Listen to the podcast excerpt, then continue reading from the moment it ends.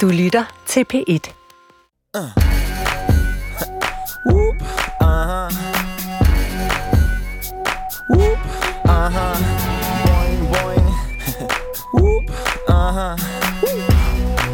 Yes. Okay.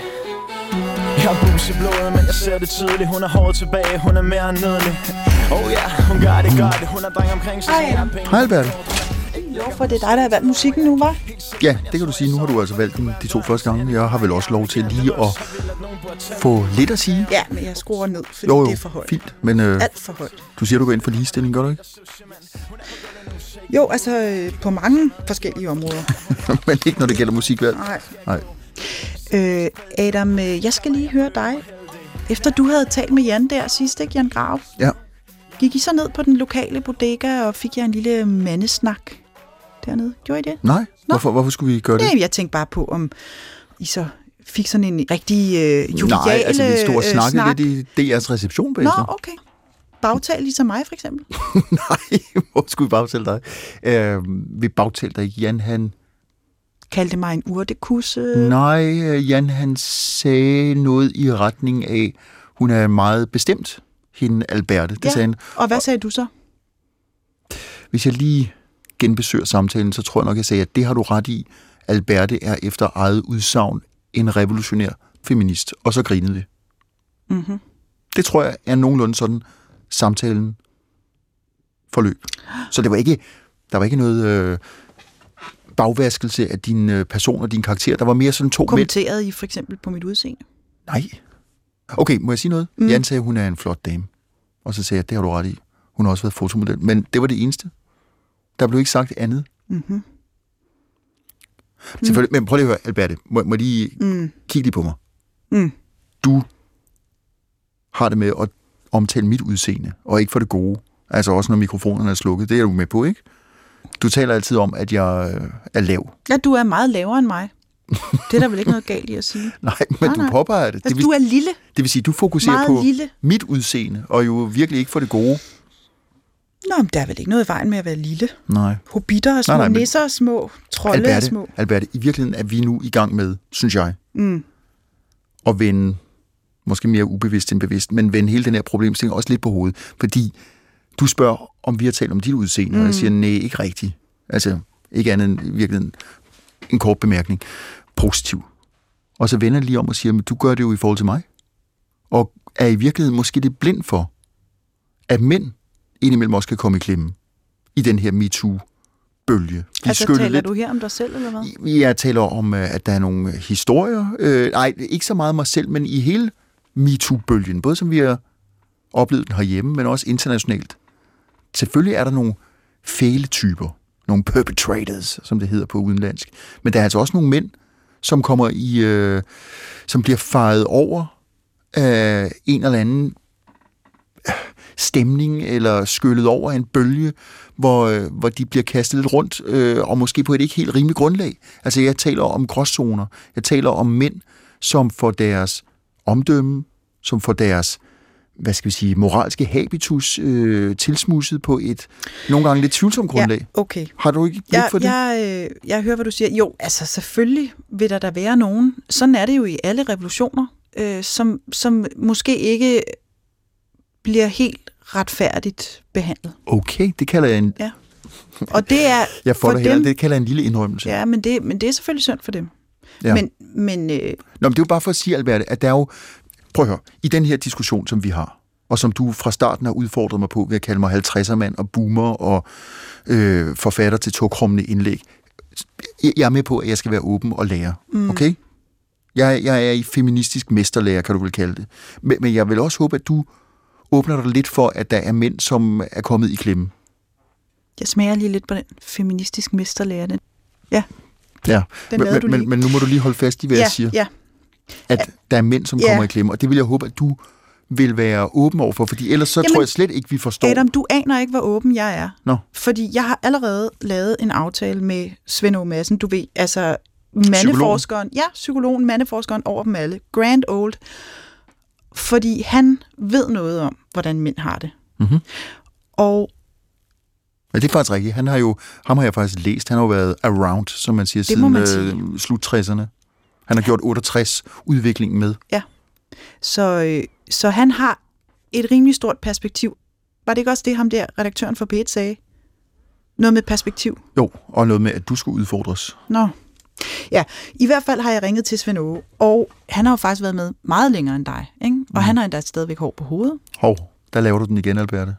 Hvad? Du, du er ikke engang opmærksom på det. Du kommenterer jo indirekte på mit udseende. Nå, jo. Ved at fremhæve, at Men Svend Aage Madsen, som sikkert er, hvad ved jeg, 20 år ældre end mig, Mm. stadigvæk har hår på hovedet. Ikke? Men ved du hvad, Så der skal jeg lige døbes igen. Jo, men, øh, men jeg tror, at så står den sikkert 387.003 til dig, ikke? Alberte, Ja. gå din vej. Ja. Vi ses, Adam. Det gør vi, Alberte. Nå, der gik hun. Så kan jeg da få lov til at høre lidt musik. Boing, boing, hendes røv går op og ned som en fjeder Boing, boing, og hun bliver bedre, hun bliver bedre, bedre Boing, boing, så fantastisk, kan næsten ikke have det Vend nu ryggen til mig, pige, gør mig lykkelig Bliver så høj på livet, når hun træder ind ad døren, hun er så spændende Tænker for mig selv, Svend Åge Madsen. Ja. Du har øh, som psykolog beskæftiget dig hele dit liv med mænd og med mandekultur og med mænds udfordringer. Herunder deres forhold til børnefødsler og deres øh, sundhed og fællesskaber og meget mere. Men du har også personligt været med under kvindefrigørelsen i 60'erne og 70'erne. Og nu er du så med til at opleve den her anden bølge af MeToo. Er, er det din oplevelse, at mænd føler sig udskammet på grund af deres køn under den her anden bølge af MeToo? Jeg synes, man kan tale om, at der er en hel del mænd, som har god grund til at blive udskammet på grund af deres opførsel. Og så synes jeg på den anden side, at mænd som sådan jo altså ikke har nogen grund til at føle sig udskammet, fordi mænd er faktisk i en kæmpe bevægelse i de her år, mm. som, som øh, hvis man bare træder et lille historisk skridt tilbage og kigger på det, så sker der jo så store forandringer, som vi aldrig har set før i det, hvad det vil sige at være mand. Mm-hmm. Og det tror jeg så også er en del af alt det, der foregår, det er nemlig, at i sådan en overgangsfase, i sådan en periode, hvis man kunne kalde det krise eller revolution, eller hvad du vil kalde det, så er der mange, mange, mange modstridende kræfter i mange forskellige retninger. Og der kan sagtens være nogen, som har den position, eller oplever, at det er skamfuldt at være mænd. Der er jo også nogen, der har den stik modsatte. Nu skal vi fandme tilbage til den gode gamle måde at være mand på, og nu har vi fået frataget en hel masse ting. Og så er der nogen, som er i en bevægelse, og hvor jeg jo ser, at den største bevægelse, der sker i det at være mand, det er, at så mange flere mænd engagerer sig i at være forældre. Og at det er jo en af de ting, som kommer til at udligne, eller hvad skal man sige, øh, skabe, at det at være en mand og det at være en kvinde ikke bare er to yderpunkter, men at der er nogen, der taler om det, som man kunne kalde den øh, multifacetterede maskulinitet, hvor vi ligesom i gamle dage havde nogle positioner, der hed, det at være mand og det at være kvinde er typisk præget af de her ting. Og sådan, sådan øh, begyndte det jo, da man begyndte at snakke om køn. Nu snakkede mænd aldrig om køn, det var kun kvinder, der snakkede mm, om køn. Mænd sad jo lige så stille og tænkte, hvis vi bare holder vores kæft og ikke gør noget, så går det nok over igen automatisk. Det gjorde det ikke. Og det gjorde det ikke, nej. Og samtidig så kom mænd jo langt bagud på det der med, at det faktisk har en god betydning at tænke på sig selv som et køn. Mm. Altså at alle de fordele, som jeg vil sige, kvinder har haft af at se sig selv som køn. Nu arbejder jeg inde i sundhedssektoren. Der har man fået noget, der hedder kvindemedicin, som ligesom ser på kvinden som en helhed. Øh, kvinders fødsler, kvinders øh, æggestokke, kvinders øh, hormoner, kvinders overgangsalder, øh, underlivskræft, altså hele gynekologien og obstetrikken, som det hedder i det fine sprog på Rigshospitalet. De ser også på vold mod kvinder, og voldtægtscenteret er knyttet til gynækologi. Så på den måde får man jo på mange måder undskyld, en, et helt billede af, af kvinden som en helhed, og det, har, det er det, kvinder har fået ud af at se sig selv som et køn. Og imens har mænd bare siddet lige så stille og, og, og, og ikke gjort noget. Og pludselig opdager vi jo i de her år, jamen mænd er også et køn. Og det er jo vigtigt at sige 10.000 gange, mænd er også et køn, eller har et køn, eller gør et køn, eller hvad det nu hedder, alle mulige steder. Mm. Man kan sige, da vi begyndte på noget at snakke om mænd og sundhed, var det et meget stor ting, som ingen havde tænkt over før. Altså, hold op, alle de statistikker har ligget i alle årene, hvor det viser sig, at mænd har så meget større dødelighed, mænd har så meget dårligere helbred, mænd lever så meget kortere. At det har man ligesom ikke set på som noget særligt. Og det er meget svært at få det igennem, også i dag. Altså, så der findes ikke noget, der hedder mandemedicin? Overhovedet ikke. Aha. Der findes noget, urologerne, de plejer at sige, at de vil gerne være, være mandemedicin, men de beskæftiger sig kun med noget, der er sådan nede i underlivet på størrelse med en 5 kroner. Og det er blæren i det blæren og tissemanden og sådan noget, men, ja. men resten af kroppen beskæftiger de sig ikke med. Så vi har ingen steder i dag, hvor vi ligesom kunne sige, jamen her har vi alle mulige aspekter af mænds fysiske og mentale sundhed, for eksempel. og det er jo bare et eksempel inden for sundhedsområdet, men det gælder jo også inden for mange andre områder, at man får en helhedsmæssig måde at se på, hvad er det egentlig, det vil sige at være mand, og hvor, hvor er udviklingen, hvor er forandringerne, og hvad er de nye ting, der sker. Mm. Og det er der, jeg mener, at vi er så i en periode nu, som aldrig har været så øh, omvæltende før i, hvad det vil sige at være mand. Og derfor ser vi noget gå i mange retninger, men hvis man ser det som en helhed, så kan man godt tale om det som det, som man kunne kalde øh, en pluralistisk øh, maskulinitet, eller en mangfoldig maskulinitet. Mm. Og deri tror jeg, der er en vigtig pointe i det der med, om man ser det der med maskulinitet som et nulsumspil. Altså, at man siger, hvis du bliver lidt mere indlevende og følsom, mm. så mister du noget af din maskulinitet. Det har jo ligesom været den kulturelle måde at se på det på. Ja, ja. Gør man ikke det? Det tror jeg, det er så vigtigt at sige, at du kan jo godt sidde og være nær ved dit spædbarn om formiddagen og gå ud og spille rugby om eftermiddagen, uden det har nogen betydning. Aha. Så det der med, det er jo det, kvinder har gjort, det er jo også, altså på mange måder var det jo det, kvinder gjorde, da de kom ud på arbejdsmarkedet. Og der var et stort modsætningsforhold og kompleksitet mellem familieliv og arbejdsliv. Mm. Og det, så vidt jeg er orienteret, er det ikke løst endnu, den problemstilling. Ikke helt, nej. Øh, ikke helt vel. Og nu kan man sige, nu bevæger mænd sig i en anden retning, hvor de kommer fra arbejde og nærmer sig mere og mere, engagerer sig mere og mere mm. i familielivet. De har fordoblet deres tid sammen med børn inden for de sidste 10-20 år, for eksempel. Ikke? Vi kan se ændringerne her under corona, der kom lige en undersøgelse for nylig, det viste, i halvdelen af familien har man delt det at tage sig af børnene lige. Det ville man ikke have gjort for, for 30 år siden under en nedlukning. Så ville mændene have siddet ude i skuret, og kvinderne have taget sig af børnene. Mm. Så de her omstændigheder gør jo også, at mænd bliver udfordret på mange forskellige måder. Ikke? Og, er det, og det er ikke rart, eller hvad? For nogen er det enormt rart. Altså mm. det at få lov til at udfolde sit forældreskab, og bare høre på de mænd, der har været på barsel, hvad de siger. Bare høre mænd, der er til stede ved fødsler og alt sådan noget, som jeg har undersøgt igennem mange år. De siger jo bare, at det er noget af det fedeste, der findes. Det var ikke det samme, som de ikke var bange under fødslerne. Og heller ikke, at de ikke vidste ofte at kede sig og sådan noget under barsel. Men når de ser tilbage på det, mm. så ser de jo på det som noget af det fedeste, de har lavet.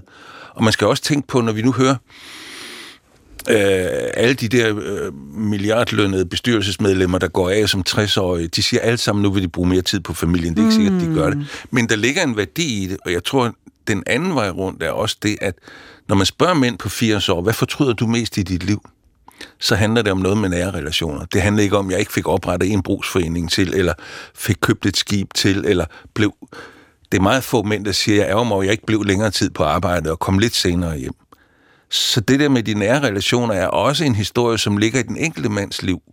Og den tror jeg, der nu er mange, mange mænd, der får mulighed for ikke at skulle sidde og sige det, når de bliver 80 år, at det fortryder jeg mest i mit liv. Det var, at jeg ikke var nærværende. Men, men Svend Aage, jeg synes, du får det til at lyde meget rart.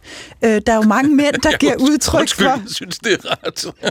men der er jo mange mænd, der giver udtryk for, at de faktisk synes, at det er en utrolig ubehagelig periode. Der er dem, der siger, jeg går rundt konstant og skammer mig over at være mand, fordi jeg ved, at, at manden er dæmonisk og aggressiv og krænkende af natur. Og så er der de mænd, der siger, jeg aner ikke, hvordan jeg skal agere øh, socialt sammen med kvinder nu, fordi jeg ved ikke, hvor grænserne går, og jeg ved ikke, hvad jeg kan tillade mig at sige. Og så er der de mænd, der ligger om natten øh, med hjertebanken og venter på, at telefonen ringer med sådan en, en for 20 år siden, der tog du mig på låret øh, opringning, og nu har jeg altså tænkt mig at gå til Ekstrabladet og sige det. Altså, jeg synes, du får det til at lyde som om, at vi er i en, i en utrolig positiv udvikling. Men hvad med alle de der mænd, der går rundt og har det sådan der? Jamen altså, efter min ærlige overbevisning, så er det de fleste, der ikke har det sådan. Ah, okay. Så, men og det jeg prøver at sige på det, det er også, når vi er i sådan en omkalfatringsperiode mellem mm. kønnene og inden for det enkelte køn, så er der jo mange, mange forskellige veje ud af det. Ikke? Som sagt, så er der dem, der vil rykke tilbage til jamen manden han skal tilbage til sin gamle autoritære rolle, ikke? Mm. Og så er der dem, der hedder incel, som, som øh, kræver sex og siger, at kvinder de skal bare lægge sig ned, og, og det er forbandet, ikke? Så, og det er sådan nogle øh, grupper på internettet ja, af mænd, som, der som, sidder ja, og hater på, ja, på, på kvinder, som ja, det hedder, som ikke? sådan er lidt en del af sådan noget angry white men, som ja. man kalder det i USA, og mm.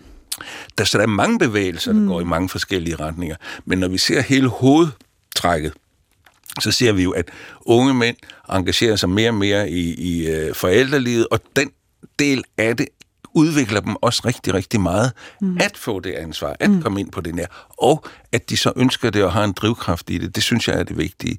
Vi lavede en undersøgelse i Forum for Mænds Sundhed om, hvordan havde det været for mænd at være nedlukket her i foråret, øh, 20, altså 2020 foråret, første nedlukning vi havde.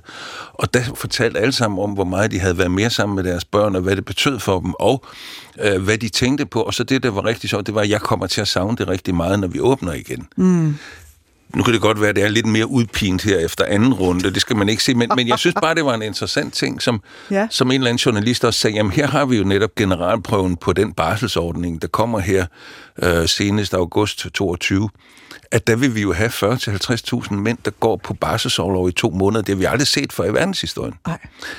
Så jeg synes også, det er vigtigt at sige, at der sker nogle forandringer, som sker meget hurtigt. Ja. Så når vi sidder derhjemme og diskuterer, hvem skal tage barnets første sygedag, så er der mange, der synes, det går rigtig langsomt. Og når man har de her sager med overgreb, så går det også rigtig langsomt. Det ligner jo fandme, jeg ved ikke hvad, for gamle dage. Ikke? Men, men når vi så træder bare et lille historisk et skridt tilbage og kigger, hvad der er sket inden for de sidste 30 år, for eksempel, så er der sket enormt meget. Og det tror jeg bare er udfordrende, som det hedder. Og er nogen, der falder i den ene ende, og nogen, der falder i den anden ende, og ikke ved, hvad de skal gøre, så er det vigtigt sådan at se sådan en, en, mainstream-udvikling, tænker jeg, ikke? Mm. hvor mænd nærmer sig familielivet og har mange problemer med det, hvordan skal jeg være i rollen, og, og hvad skal vi gøre, og sådan noget. Men jo også får nogle gode oplevelser af det, siger de selv. Og man må vel også sige, at det er jo heller ikke uproblematisk for kvinder at finde ud af, hvordan de skal være øh, som mødre og øh, som, som øh, ægtefæller og som øh, kolleger og chefer. Så, så det er vel det samme. Jeg tror, det er øh, rigtig vigtigt at sige, at der er en en bevægelse for begge køn, mm. men kvinder har ikke over en længere periode fået den der, øh, eller arbejdet med hjem og familie og mm. sådan noget, og der har mændene jo også været en vigtig del af det egentlig. Kunne de nu også tage sig lidt af det en gang imellem. Øh, og derfor tror jeg også, at kønnene kunne lære noget. Altså, øh, mændene kunne også godt lære, fordi det er jo en ærlig sag at sige, jeg vil rigtig gerne være sammen med mine børn og familie. Men jeg synes også, at mit arbejde er skide spændende, og det kan jeg også godt lide at fordybe mig i. Øh, og, og, og ligesom se det der som en, en positiv ting, som, som, som øh, står i modsætning til hinanden, som ikke bare er negativt. Og, men det er selvfølgelig svært at finde balancen i det, det er der ikke nogen tvivl om. Mm. Men så lad mig lige følge op, Svend Madsen, fordi, fordi når du nu øh, lyder så, så øh, faktisk øh, positiv omkring den udvikling, vi står midt i, så må jeg jo så også spørge dig, om du ikke, altså om du faktisk synes, at den her anden MeToo bevægelse, eller måske skulle vi kalde det en revolution, for der er jo en del hoveder, mm. der ruller, mm. øh, at det er positivt for både mænd og kvinder? Jeg synes, det er rigtig positivt for mm-hmm. både mænd og kvinder, fordi noget af det, som ligger i, hvad skal vi sige, øh, øh, det der MeToo, som ligesom kunne hedde, sådan er mænd. At der tror jeg, det er rigtig vigtigt, at der er også rigtig mange mænd, der siger, jamen jeg er ikke sådan en, der vil gå og rave på kvinder. Jeg vil ikke gøre noget, som de ikke har lyst til.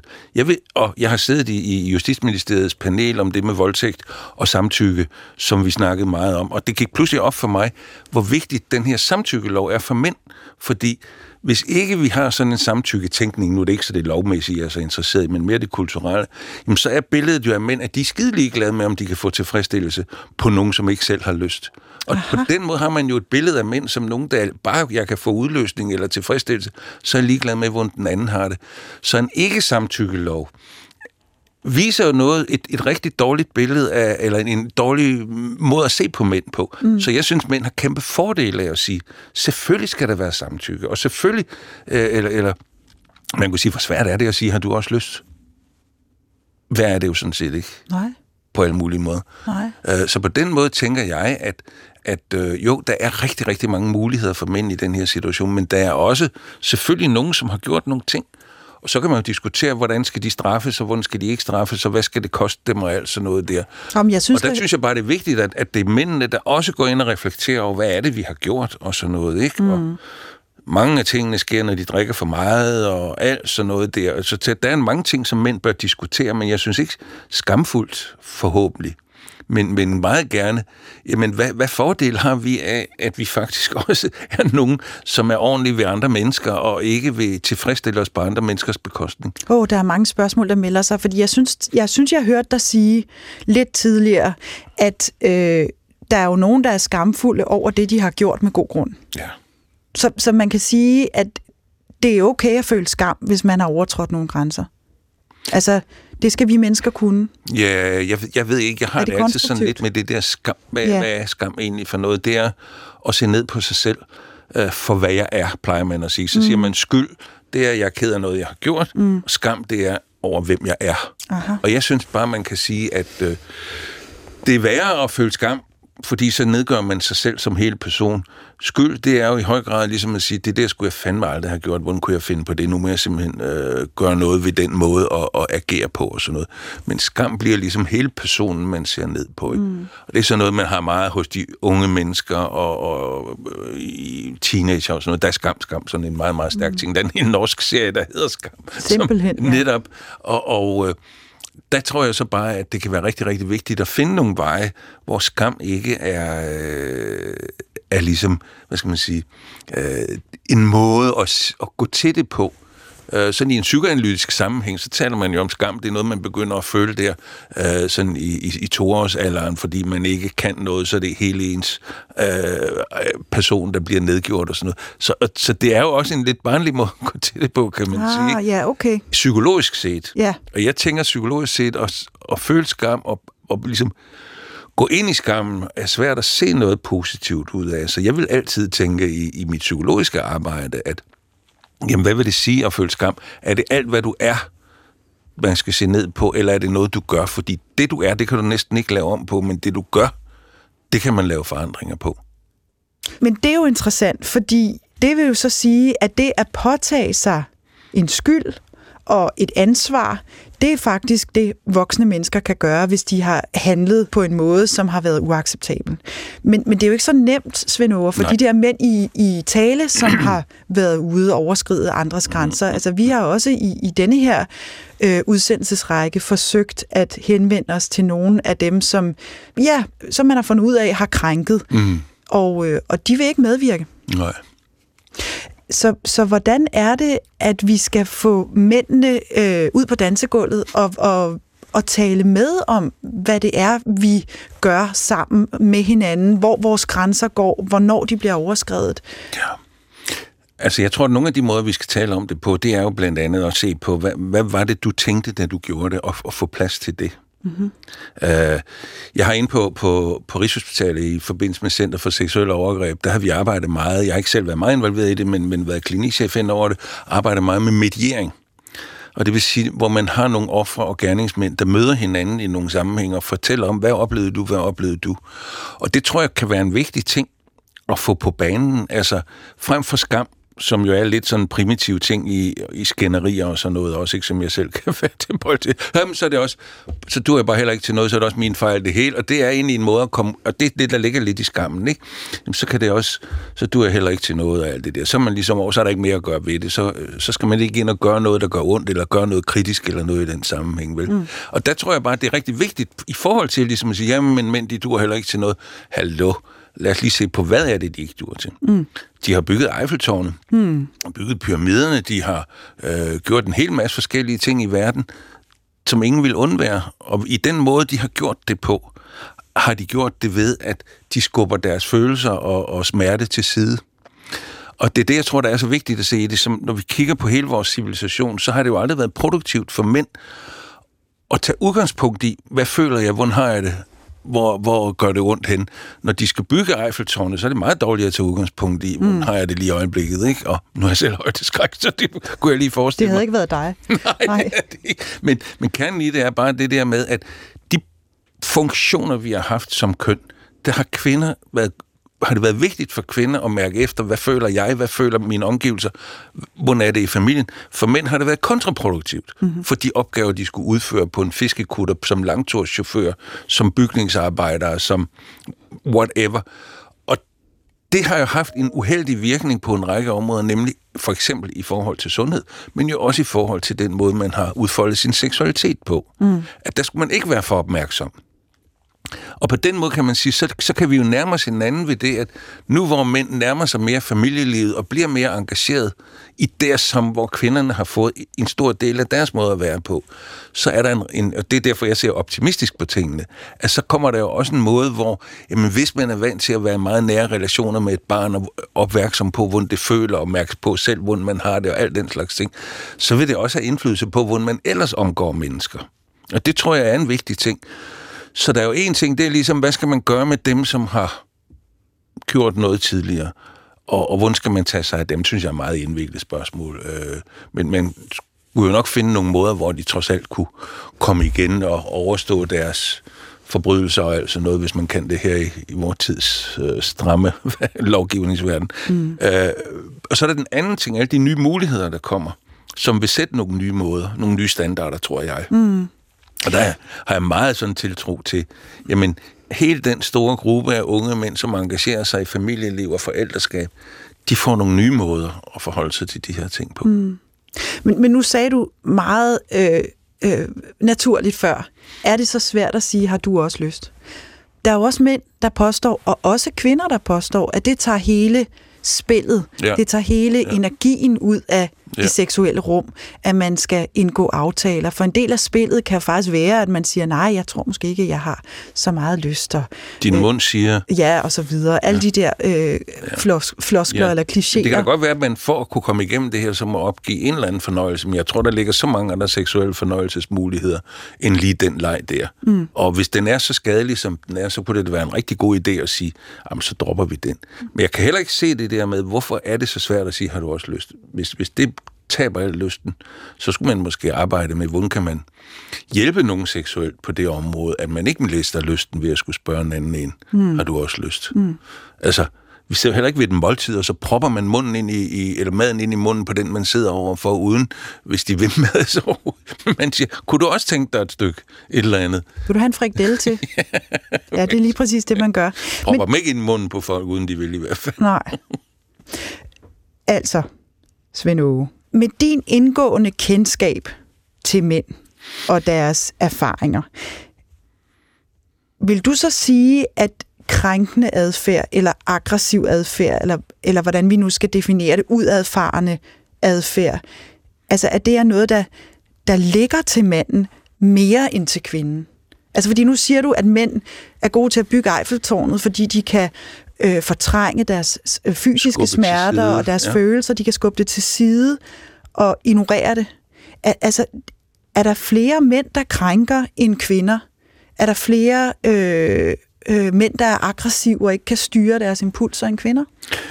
Det er der jo noget, der tyder på. Nu må vi sige, at de tal for det her er meget, meget vanskelige. Mm. Så de, de tal, som jeg kan se, som der er evidens for, det er jo de tal, der handler om, hvordan reagerer mænd, øh, når de får det psykisk dårligt. Og der er flere mænd, der har, bliver udadreagerende. Jeg har altså sådan to hovedting, som ligesom er det der med at blive udadreagerende, blive vred som reaktion på at have det dårligt, og så det, som man kunne kalde tilbagetrækningsreaktioner. Det er at sige, lad mig være i fred.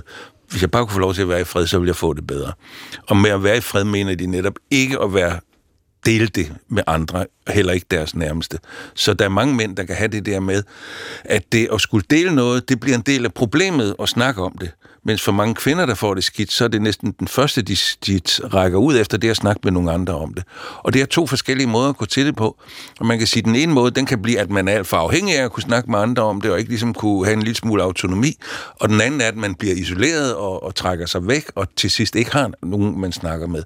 Så, så det er jo to, nogle måder at reagere på, som bare er mere typisk for det ene og det andet køn, men som hver for sig har også både sine fordele og, og bagdele. Mm. For mange mænd kan det være, det der med at træde skridt tilbage og ligesom søge autonomi og overblik over situationen. Men hvis man aldrig kommer frem igen, så bliver man isoleret og, og, og, og får ikke bearbejdet tingene sammen med andre, fordi det er en vigtig ting at gøre noget, at have nære relationer. Øh, det, det der med vreden er jo, kan man sige, ofte noget, som handler om, at man ikke har været vant til at hvad skal man sige, sætte ord på nogle følelser, som, som øh, eller, eller man kan også sige det på den måde, man har været alt for vant til at skulle skubbe det væk, øh, mm. skubbe bekymringer væk, holde det nede. Og, og, og der kan man sige, så er det de, reaktion, de måder, man har holdt nede på, det er jo først at arbejde, arbejde, arbejde, og løbe, løbe, løbe, og gøre ting, og når det ikke virker, så begynder man at tage noget medicin, eller at drikke, og alt sådan noget, som man i højere grad gør. Når det heller ikke virker, så begynder det at komme ud i nogle handlinger, og til sidst kommer det ud i vrede. Så den, man kan sige, alt det der er affødt af de måder, som det har været almindeligt at være mand på i vores mm. liv, og, og at det, som man har haft alle fordelene i forhold til mændene. Og det er også derfor, jeg synes, det er så vigtigt at snakke om en multifacetteret maskulinitet, fordi der er så mange, altså, der er så mange ting, man ikke skal aflægge sig. Så, og der synes jeg bare, det er vigtigt at sige, når vi taler om manden og, og mænds udvikling og maskulinitet, så skal vi ikke kun se det som noget negativt. Der er også brugt det der begreb om toxic masculinity ja. og alt sådan noget, som Giftig på en eller anden måde identificerer det hele med manden. Ja. Frem for at sige, jamen alle de produktive ting, alt det instrumentelle, alt det, der fungerer, det er vi sgu da glade for alle sammen. Og det står ikke i modsætning til, at man ordentligt lader være med at lave overgreb på andre. Så hvordan kan man ligesom arbejde sig videre med de her ting? Og der tror jeg, det er jo, at vi lever et liv, hvor vi både er ude og gøre vores ting i verden, og vi er engageret i vores familie, og ikke har delt det op på den måde.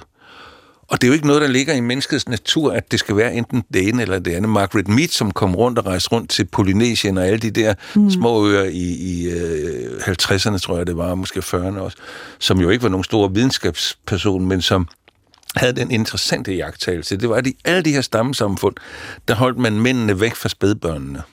Og hun havde den vidunderlige betragtning, at det var fordi, at hvis man lod dem være sammen med spædbørnene, så fik man den aldrig til at gå ud på jagt igen. Så ville de blive knyttet til børnene, og, og ville ikke bevæge sig ud i verden. Og det, der er interessant, det er at moderne tilknytningsforskning har vist, at det er hun fuldstændig ret i. Jo mere man er sammen med børn, jo mere indlever man sig i dem, jo mere bliver man knyttet til dem. Mm. Men i vores moderne samfund, som ikke er et mangelsamfund, så kan man godt også arbejde ude i verden og være knyttet til sine børn. Mm. Det var der ikke plads til i mangelsamfund, fordi hvis han ikke gik ud på jagt, så fik de ikke noget at spise. Nej. Så øh, på den måde kan man sige, at vi har haft nogle strukturer, som er født af mange ting, blandt andet af nød og, og, og hvad funktioner der skulle være for, at vi kunne overleve. Og så har de jo bare nogle enormt lange kulturelle tråde, der mm. holder os fast i, hvad en mand... Altså, her på DR, det må man godt sige, ikke? der er der en udsendelse, der hedder Rigtige Mænd, som er et af de aller værste udtryk, der findes her i verden. Ikke? Altså, øh, som netop er et, kan man sige, rækker ind i alt det der med, at en mand er noget bestemt, mm. i stedet for at være mangfoldig. Mm. Så en mand kan være alting, ligesom kvinder kan være Ja, det tror jeg. Og så vil der være nogle ting, som mænd igennem mange, mange århundreder har, har tilegnet, som, som er lidt til den ene side, og kvinder er lidt til den anden side. Det er der ikke noget galt i, og det synes jeg er udmærket. Mm. Øh, øh, man har tit kigget på, hvordan er mænd og kvinder sammen med, med børn.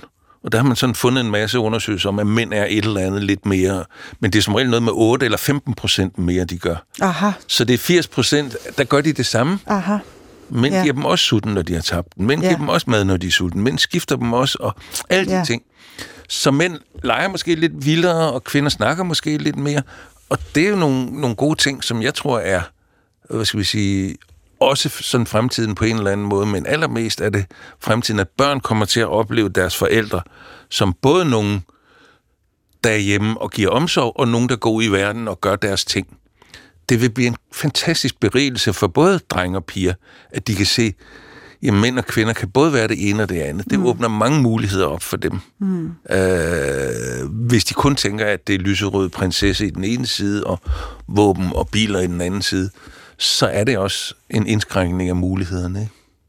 Så vi er meget mere til fælles køn imellem, end vi faktisk tror. 80 procent af vores adfærd, i hvert fald i forhold til den måde, vi er sammen med vores børn, børn på. Ja. ja. Altså, hvis, man, hvis faren ikke så barnet græd, så vil vi også alle sammen reagere på det, ikke? Men mm. altså, det gør de faktisk. Og mm. der er lavet masser af undersøgelser, hvor mænd har været hoved, hovedtilknytningspersonen øh, i forhold til, hvor kvinder, man kan ikke se forskel på de børn. Uh, selv så noget som hormonspejlet ændrer sig, når mænd er sammen med børn, uh, hvor vi altid tænker, at det er jo hormonerne, det er testosteron, og uh, der styrer det hele for os. Så er det omvendt sådan, at når vi gør nogle ting, som er omsorgsfuldt, så ligner hormonspejlene også i højere grad hinanden. Aha. Så det er meget vores funktioner og adfærd, som på en eller anden måde er det overordnede. Mm. Og det synes jeg giver en optimisme. Og som endda påvirker biologien. Ja. altså, øh, Det lyder rigtig fint alt sammen, Svend Åge. Nu må Men, vi have noget. Ja, i mine mørkeste stunder ja. som betonfeminist, ikke? Ja. så mindes jeg alle de gange, hvor jeg har overhørt mænd, som jeg jo færdig iblandt mm. øh, på mit arbejde, øh, i mit familieliv, der hvor jeg bor, med mine naboer og så videre, og som jeg jo, som du siger, faktisk det meste af tiden oplever som rigtig flinke, alle de her mænd, ikke? Pæne, søde kolleger. Øh, men når jeg så vender ryggen til, og de tror jeg ikke lytter, så har jeg jo overhørt dem i deres øh, øh, frisnak mm. i omklædningsrummet, om man så må sige. Sådan ja. klassisk omklædningsrumsnak. Og øh, så omtaler de pludselig kvinder som kællinger. Og de, øh, de taler om kvinder som seksuelle trofæer. Ikke? Altså vi, ah, du kan tro, jeg, jeg knipper meget i øjeblikket. Og, øh, og de fremhæver, øh, du ved, vores ydre frem for det, vi kan. Altså frem for de mm. kompetente kolleger, vi er fagligt set. Og så bliver jeg så meget bekymret, og så tænker mm. jeg, sig mig, at lever mænd sådan nogle dobbelttilværelser, hvor de, hvor de derhjemme, eller når de er i det offentlige rum, opfører sig øh, øh, civilt på alle mulige måder, og, og, og ordentligt og høfligt, og når de så er sammen med hinanden i deres mandefællesskaber, så øh, ryger proppen helt af, og så, øh, og så kommer alle deres dybe, øh, dæmoniske, undertrykte, maskuline sider frem, og, og, og, og det er i virkeligheden det, de længes efter meget af tiden, det er at få lov til at være sammen med hinanden og sige alle de der ting til hinanden. Forstår du, hvad jeg mener? Jeg forstår, altså, hvad du mener. Jeg kommer sådan til at tænke på, sig mig, hvem du omgås, og jeg skal sige dig, hvem du er. Ja. Fordi sådan nogle mennesker omgås jeg faktisk ikke. Aha. Altså, øh, mens du sidder og snakker, så sidder jeg og tænker på hvem er de? mine gode venner ja, ja. Og, og mine egne Men, søstre. Så, så du taler ikke og, sådan altså, sammen med, med dine mandevenner? Aldrig. Aha. Det vil jeg sige, nej. Og, nu, øh, og hvordan skal jeg være sikker på, at du ikke lyver? Ja, det må du tage en løgndetektor på mig her. Nu der er jo ikke andet at gøre. så siger, jeg ringer, jeg, så siger en fransk øh, efterretningsserie i øjeblikket, hvor han sidder hele tiden og snakker om sådan en løgndetektor. På, ja. den Jamen, sådan nogle har vi desværre ikke i Danmarks Radio, men det kunne være, vi skulle Jamen, indføre dem. Men jeg, jeg, jeg synes, når jeg, jeg tænker tilbage på Øh, vi gamle 68'ere, som jeg er. Ikke? Jeg var 18 mm. år i 1968 og tog på Thylejren og lige ud af gymnasiet på Thylejren, og så tog vi til Indien direkte i folkevognsrugbrød fra Thylejren. Der synes jeg, der var en meget, meget stærk, øh, i den kreds, jeg kom i i hvert fald, meget stærk holdning til, at man var ikke grov på den måde der. Øh, så det, det må jeg bare sige. Og når jeg, nu har jeg min gode ven, som jeg startede med i 7. klasse, vi er stadigvæk bedste venner, og øh, jeg skal til hans 71 års fødselsdag her på onsdag. Jamen altså, sådan, han, sådan nogle ting har vi aldrig udvekslet med hinanden på den måde der. Så jeg siger ikke, det ikke findes. Nej. Og jeg siger, når jeg hører landsholdet stå og råbe og stå op på bænken Store og store patter. hvordan det fanden overhovedet kan lade sig gøre.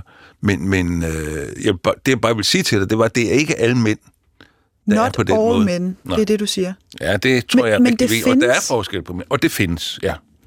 Hvad er det, de har sammen, de der mænd i omklædningsrummet, som jeg ikke forstår? ja jeg kalder det en, en, en u, u, usund øh, kultur. Men er vi Som- så faktisk alligevel inde på noget af det, som, som man har kaldt en giftig mandekultur? Nej, det tror jeg ikke. Jeg tror, at man, man... Altså, det der begreb giftig mandekultur. Altså, hvis man nu gik hen på Sankt Hans Torv og lyttede til nogle af alle de kvinder, der sidder med barnvogn derovre på barsel, og hører, hvad de siger om mændene derovre, så vil jeg nok tro, at ordet støder også kommer til at optræde en gang imellem. Mm. Jeg ved ikke, hvad de er grove i seksualiteten, men, men om, hvordan man taler om det andet køn som ens partner og alt sådan noget der. Og det, jeg altid har sagt til alle professionelle, jeg skulle arbejde med og træne i at snakke med henholdsvis mænd og kvinder, det har så primært været at, at, at arbejde med sygeplejersker og psykologer, der skulle snakke med mænd, og du skulle altid sige to gange, inden du gik ind, tre gange til dig selv, inden du gik ind i lokalet. Det er ikke din mand, det er ikke din mand, det er ikke din mand, du skal ind og snakke med. Fordi vi har nogle af de fleste af vores projektioner, stammer jo fra vores private forhold. Og på en eller anden måde, så kommer der jo altså noget ud, som er utilfredsstillet i en eller anden forstand, som de her mænd så ikke ved, hvordan de skal takle. Men, men jeg kan godt sige, at noget af det, vi arbejder meget med i Forum for Mænds Sundhed, det er jo nogle, nogle mandefællesskaber, hvor man er sammen på nogle produktive måder, som ikke er angry white men og alt sådan noget der. Og der ved vi bare, både på arbejdspladser og andre steder, at det er også en meget skrøbelig fællesskab. Er der bare en, der siger, hvad er det for noget pis? Så er det meget svært for andre rundt i ringen, der så siger, jamen jeg har det altså skidt. Og det er der bare op på hesten igen, og så en vidighed, så, kommer, så er det slut. Sådan er det i mange mandefællesskaber, ikke? Det er jo ligesom det i mødergruppen, når de sidder og snakker, så er der en, der siger, jamen mit barn, det sover 10 timer hver nat, og det er... Ej, det må man ikke sige. det, det siger jeg som mor, det må man ikke tre sige. timer om eftermiddagen, så den næste, der sidder ved siden af, er det meget svært at sige. Jamen, det er henrettelsesgrund, øh, vil jeg bare... Så jeg vil bare sige, der, der skabes nogle kulturer ud fra forventninger, men jeg tror, for mændene er det meget. Det er virkelig noget pis at sidde og snakke sådan om kvinder, og snakke på den måde der. Og, og jeg tror altså bare, det er noget, der også gejles op på en eller anden måde i et samvær, som har en hel masse reminiscenser med. Men det kunne også gå på en helt anden måde, hvis nogen tur gå ud og snakke om det. Vi har været ude og interviewe mange mænd på arbejdspladser. Tør du snakke om det der med at gå til psykolog, for eksempel? Ikke? Og det skjuler man jo meget ofte, fordi der er en eller anden, der siger bøv. Men hvis vi så er ude af en, der stiller sig op og fortæller om, at jeg har faktisk været indlagt på psykiatrisk afdeling, og jeg har haft det skidt, så kommer der altid fire hen til ham bagefter og siger, sådan har jeg faktisk også haft det. Mm-hmm. Så det er også for at sige, at vi kan også gøre nogle ting for at skabe forandringer, ved at vise, at, at der er nogle forskellige måder at have det på, og, og at det ikke altid bare det der bøv. Jeg har været ude i mange fagforeninger, ude på mange arbejdspladser, metalarbejdspladser og alt sådan noget, og efter et stykke tid, så begynder man jo at snakke om tingene på en anden måde. Men starten, det er meget ofte hø, hø, hø, øh, det der bøv, ikke? Så jeg tror, at, at mulighederne findes, men der er mange, mange traditioner, der gør, at man bliver revet med i den der bøvede retning. Som... Så det, det, det er sådan et levn fra fortiden, altså sådan en, en gammeldags forældet form ja, det, for det, Jeg synes, det er noget kultur. gammelt noget, men det er også noget, reaktioner på nogle af de ting, vi har snakket om. Altså, mm. Jeg kan jo se, at der er nogen, der mener, at i den her krise med maskulinitet, så skal vi tilbage til de gamle dyder, ikke? Og mm. der overdriver man så på nogle måder, ikke? Mm. Øh, så er der nogle andre veje, der, der går den mod, nogle andre, der går den modsatte vej. Så bliver vi påvirket af reklamer og sådan noget. Så er der Carlsberg, der hele tiden kører en reklame, der handler om, der er noget, kvinder ikke forstår, som handler om et eller andet med at se fodbold i fjernsynet, ikke? Ja. Så laver Gillette en reklame, der handler om, at mænd de skal være søde og indrømme, hvis de begår overgreb og sige til andre, at de ikke skal gøre det. Så vi er også meget, meget påvirket af mange, mange strømninger i tiden om, øh, hvad, hvad for en vej skal det gå, og mm. hvordan skal det udvikle sig. Mm. Da jeg var ung, så kom der jo et begreb, der hed den bløde mand med hønsestrik. Og, og jeg tænkte som, hold nu kæft, for første gang i verdenshistorien er der en mand, der gider skifte sengetøj og bage boller og passe børn. Og hvad blev han så? Den mest latterlige figur, som blev kastet på historiens skraldspand i et nanosekund. For der var ikke noget sex ved ham.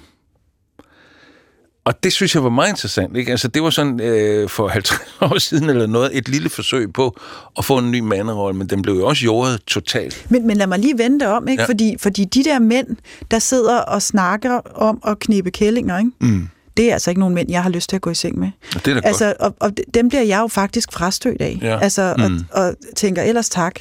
Altså, øh, så hellere være helt fri, hvis ja. det er det, der er muligheden. Ikke? Mm. Øh, så... Men der er andre, der har det sådan, at de synes, Jamen ham, den smarte, kvikke fyr der, øh, når man er meget ung, han er meget, meget tiltrækkende og sådan noget, ikke? Og ham, den bløde mand, som det lidt lyder det som om, man... Svend Åge, du var øh, på i tylejren. Ja, det tror jeg bestemt. Ja, ja. ja man bliver især blød af at ryge meget has. blev man Utrolig blød. men, men, men jo, det er rigtigt. Jeg tænker bare på, at at øh, Nej, nu kommer jeg lige af sporet. Der var et eller andet, da du lige sagde det der. Ja, men, men at der er nogen, der synes, at den der farlige Nå mand... ja, det var det der med at være tiltræk, ja, tiltræk, ja. ja, ja, ja. Det var mange kvinder, der synes han var latterlig, den her øh, bløde, bløde mand, ikke? Men det, jeg synes var så interessant, det var så kort tid efter, jeg tror, det var i om, omkring 80, så lavede Gillette den første virkelig revolutionerende reklame, The Best a Man Can Get. Og den er fantastisk klippet sammen. Hver, hver tredje sekund så klipper den fra en mand, der står som sådan traditionel maskulin, og så står han tre sekunder baby. efter med et baby på ham, så er han ude at få en stor fed bil, så står han og kysser sin kæreste, og er så den der blød den hår, det var den ma- mange facetteret, så jeg har altid brugt den film som, jamen der blev dagsordenen sat af Gillette mm. i 1983. Af alle. ja. Af alle aktører. Ja. ja som så var ellers skulle være meget maskulin orienteret ja, ja. traditionelt, ikke? Ja. Så, så det er altså ikke alle mænd, der har den her øh, type, øh, hvad kan man sige, frirumssnak, øh, og det her behov for at øh, vise deres øh, hårde øh, maskulinitet frem for hinanden. Men, men når de nu gør det, så er mit spørgsmål alligevel opfølgende. Hvad er så den mest autentiske side af dem? Er det den, er det, er det den fyr, der står og siger, jeg knipper kællinger, eller er det ham, der bagefter går hjem til sin familie og, øh, og koger kartofler til børnene? Jamen, for der er vi jo altså nødt til at komme tilbage til en ting, som vi ikke har talt meget om. Mænd er forskellige. Og kvinder er, er forskellige. forskellige, ja. Og det er rigtig vigtigt at sige, ikke? Og det, kan, det var derfor, jeg sagde til dig, at sig mig, hvem du omgås, og jeg skal sige dig, hvem du er. Du støder altså åbenbart på den slags i det daglige.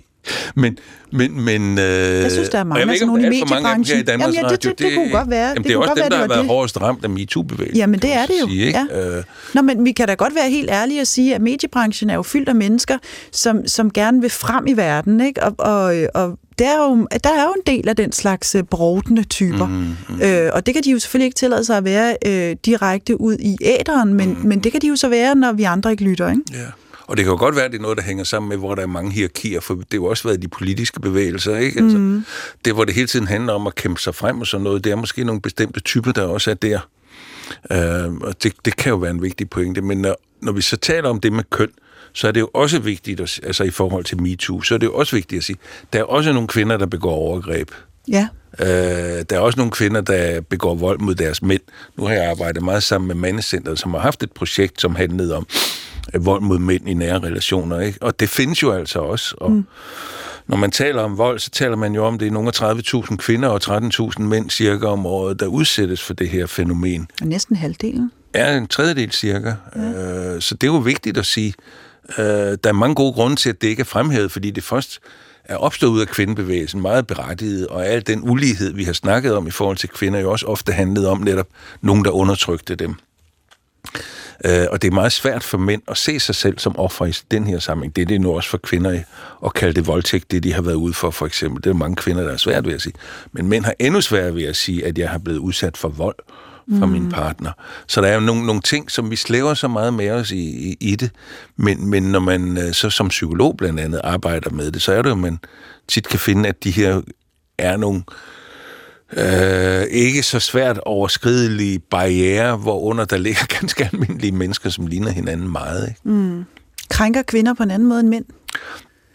Jeg har ikke nok øh, viden om det, men jeg har i hvert fald læst en række case stories, som, som, som tyder på, at det er nogle måder, hvor det handler om, hvis, hvis ikke jeg får sex, så. Mm-hmm. Hvis, du ikke, hvis ikke du vil gå i seng med mig nu, så. Altså, øh, så kommer der, hvad hedder sådan noget, øh, konsekvenser af en eller anden slags. Ikke? Mm. Så, så man kan jo altså tro med at gå fra hinanden, og det er jo meget interessant, når vi kigger på det der med behov for en partner, som vi ser i, i den her tid, at, at mænd er meget mere afhængige af at have en partner, end kvinder er. Fordi hvis de ikke har en partner, så falder de til bund, som man så må sige. Ja, eller de har ingen fortrolige. Nej. For mange mænd er deres partner den eneste fortrolige, de har i livet. Derfor er single mænd har næsten ingen fortrolige i, i deres liv. Øh, groft sagt. Og der Gallup lavede en undersøgelse, hvor man spurgte mænd og kvinder om, hvem, hvem lægger vægt på at have en partner. Så er det op mod, i livet, så er det op mod 70 procent mænd og omkring 50 procent kvinder. Og det er jo en fantastisk forandring, når vi siger på forandring blandt kønnene, at for, for 50 år siden var kvinder meget afhængige af økonomisk og livsmæssigt og statusmæssigt at få en partner. Hmm. Forsørger, og så kunne man få børn i en familie og alt den slags. Det, det har kvinder stort set frigjort sig fra nu. Så de er i høj grad uafhængige af, af at skulle giftes og kan vælge nogenlunde frit. Og så, og så den tidligere økonomiske afhængighed er nu blevet afløst af det, man kunne kalde en emotionel afhængighed. Fordi når vi så ser mænd, der er så afhængige af partner og går ned med fladet, som du nævnte, hvis, hvis, hvis de bliver skilt og alt den slags ting, som vi ser en masse eksempler på, så er der altså den der emotionelle afhængighed, som mænd har, og som vi ligesom får af, øh, afdækket, nu hvor kvinder ikke længere er økonomisk afhængige af det. Mm-hmm. Og der ser jeg jo meget, at kvinder de har fået et frigørelsesprojekt, der hedder Tag en uddannelse og gør dig fri og selvstændig, så bestemmer du selv. Du skal ikke forsørges. Du kan vælge, hvad du vil, og kvinder kan få børn uden at have mænd. Det er sværere for mænd at få børn uden at have kvinder. Så vi får jo et samfund nu, hvor man kan sige, at det er omkring 25 procent mænd, der ikke får børn. Mm. Og 14 procent kvinder, der ikke får børn. Og øh, det er så også skævt socialt fordelt, at de ufaglærte mænd er det 45 procent, der lever single, og, og, og 35 procent af dem, der aldrig får et barn. Mm. Øh, og så får vi jo på nogle måder også to forskellige livsformer i samfundet dem, som hvor mændene går mere og mere op i familielivet, Og dem, som slet ikke har et familieliv. Og dem, der ikke har et familieliv. Det bliver en interessant ting, hvis det ligesom bliver bevaret over længere tid. Men det kunne man vel godt blive lidt bekymret for, vil jeg sige. Ja, det synes jeg i høj grad. Altså dels så har vi jo nogle af de der reaktioner på det, som vi ser i Angry White Men og sådan noget i USA, som siger, at det hele bliver taget fra dem af kvinder og eliten og udlandet og kineserne, jeg ved ikke hvad. Øh, så jeg tror jo, at mændenes frigørelsesprojekt fremover, det meget skal handle om nogle nye fællesskaber for mænd, så de ikke kun, er, ikke kun kan have en partner, som er deres eneste fortrolige, og hvis de ikke har en partner, så er de meget, meget sårbare. Men Svend er det også derfor, at der er nogle mænd, der bliver så vrede, når, når kvinderne siger, at nu skal mændene vende sig til, at de skal afgive nogle af deres øh, privilegier og, øh, og, og træde til side. Altså især når Sofie Linde står der til Zulu Awards, som, som altså, hun står ikke ud af sengen for under 50.000 kroner om dagen sikkert, vel? Altså, det, det ved jeg ikke noget om, men det er et gæt. Øh, og, og så siger de, undskyld, vi skulle da ikke privilegeret. Nej. Vi har ikke nogen uddannelse, mm. vi har ikke noget job, mm. vi har ikke nogen familie, vi bor i øh, nogle ærgerlige huse i det, man kalder øh, med et nedsættende, mm. nedsættende betegnelse, udkants Danmark. Vi har ikke nogen venner, vi, vi lever usundt, vi ryger, vi drikker, vi har selvmordstanker, vi er ikke privilegeret. Mm. I er privilegeret. Ja. I har gået på universitetet, hvide kvinder. det er en kæmpe forandring, der er mm. Og den der forandring med, at kvinder får mere uddannelse, det er noget, vi ser over hele Europa, fra Sicilien til Nordkap og fra Ukraine til Portugal, eller hvor det nu er, mm. Vesteuropa. Altså, det er sådan, så kvinder simpelthen overhaler mænd i uddannelse. Mm. 62 procent af dem, der blev optaget på Københavns Universitet sidste år, var kvinder. Mm. Nu ved jeg godt, mænd også over på IT-universitet og andre steder. Men i hvert fald kan i det er jo, at, at kvinder får mere uddannelse, og vi får på den måde en ulighed, hvor i gamle dage var det sådan, at der altid var en statusforskel, at manden havde den højeste status, højeste uddannelse, højeste indkomst. Nu kan det bare ikke lade sig gøre længere, og det, det, det er noget, al omkalfatringen handler om. Finder kønnene nu ud af det på nogle andre måder? Eller får vi en stor gruppe øh, mænd, som står tilbage på perronen i forhold til den udvikling, der foregår? Det er jo ikke til at sige, og det er jo derfor, at når jeg siger, at jeg tror, at et vigtigt frigørelsesproces for mænd, eller projekt for mænd i den her sammenhæng. Det vil være nogle fællesskaber, hvor det ikke er ligesom, at hvis du ikke har en partner, så er du virkelig på røven, og så reagerer du måske på det. Men man kan også godt leve uden partner, men med andre fællesskaber. Mm. Indtil der måske kommer en partner, det kan man jo håbe. Ikke? Mm. Øh, så det, det tror jeg er en meget, meget stor brydningstid på den måde. Og der kan der blandt dem i hvert fald hvad vi har set i andre lande, og måske også ser i Danmark, så kan der komme nogle af de der stærke reaktioner, ja. som, som kan være negative. Ikke? Ja, altså eksemplet af de der angry white angry men, white men ikke? Og, og, og incelsgrupper. Men jeg synes også bare, det er vigtigt at sige, at der er muligheder for, at det ikke kun går den vej. Ja. Det kan også gå andre veje. Mm. Og der er noget af de veje, der kan være, det er jo, at der er nogle mænd, der finder sammen på nogle andre måder. Mm. Vi arbejder i Forum for Mænds Sundhed med noget, der hedder Mænds Mødesteder, som er, der er der 30 af rundt om i landet i øjeblikket. Vi har mm-hmm. lige fået penge fra Trykfonden, 3,5 millioner til at lave, øh, udvide det og arbejde med det. Og, og mænds mødes, der er nogle steder, hvor mænd mødes, som er åbne, demokratiske og autonome, mm-hmm. og som ikke har andre formål end at være sammen med andre mænd og lave noget, noget øh, som de synes er sjovt. Jamen, hvad er det så? Og det er at lave, alle, mange mænd laver altså noget håndværksmæssigt, og de laver gå ture, de vandreture, de laver fisketure, de laver alle mulige ting. Nogle af dem laver også noget rådgivning og sådan noget. Men kernen i det er, at for at der sker nogle forandringer, så er det meget ofte for mænd, at det er, at de mødes om at gøre noget, snarere end bare for at snakke. Altså, kvinder siger jo tit til hinanden, skal vi ikke ses? Og så snakker de, sidder de hen på Sankt Hans Torv og snakker to og en halv time så på følelser, bla, bla, bla, og så de går det igen, og så er der sket en hel masse. Men siger til mænd, skal vi ikke ses? Så siger de, om hvad? Og det der med at gøre noget og opnå nære relationer, er en vigtig måde, mænd gør det på. Men så er det selvfølgelig, hvad for nogle omstændigheder er det under.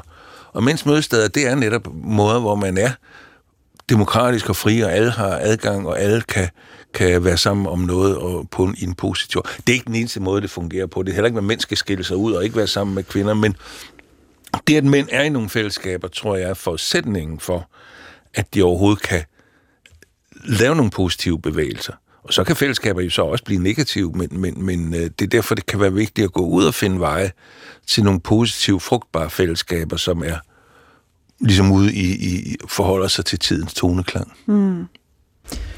Svend Madsen, tusind tak, fordi du vil komme og fylde studiet med din tro på mandens fremtid. Tak for, at jeg måtte komme. Uh. Whoop, uh-huh. Whoop, uh-huh. Boing, boing. Whoop, uh-huh. Yes. Okay. Jeg har bus i blodet, men jeg ser det tydeligt Hun er hårdt tilbage, hun er mere end nydelig Oh ja, yeah, hun gør det godt. Hun er dreng omkring sig, som jeg har penge på mit kort. Hun er ikke lækker, hun er staged over. Jeg er ikke helt sikker, men jeg tror jeg sover For det kunne være en drøm, så jeg niver mig i armen igen. Den rører så vild, at nogen burde tæmme den. Down, up til, up til Martini i hånden og sko for Gucci. Jeg ser det for mig nu, date og sushi, man Hun er på gulvet nu, shake a booty. Kigger på mig, som havde jeg gjort noget forkert Og hun rører ved sig selv, hun er langt fascineret Skal jeg gå, blive sen og tilfældig? No, jeg slapper af, jeg føler mig heldig. Natten er ung, og pigen er smuk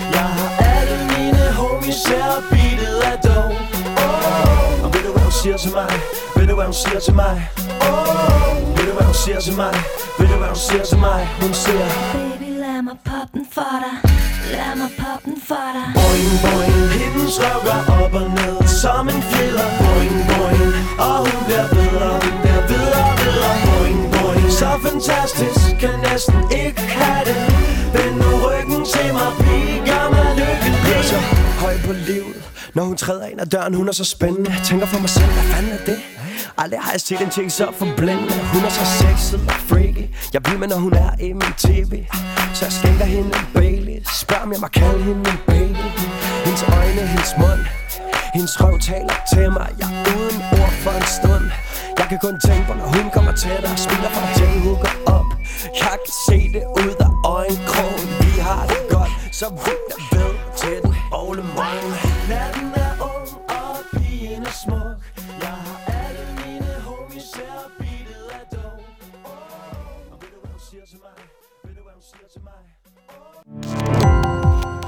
Gå på opdagelse i alle DR's podcast og radioprogrammer. I appen DR Lyd.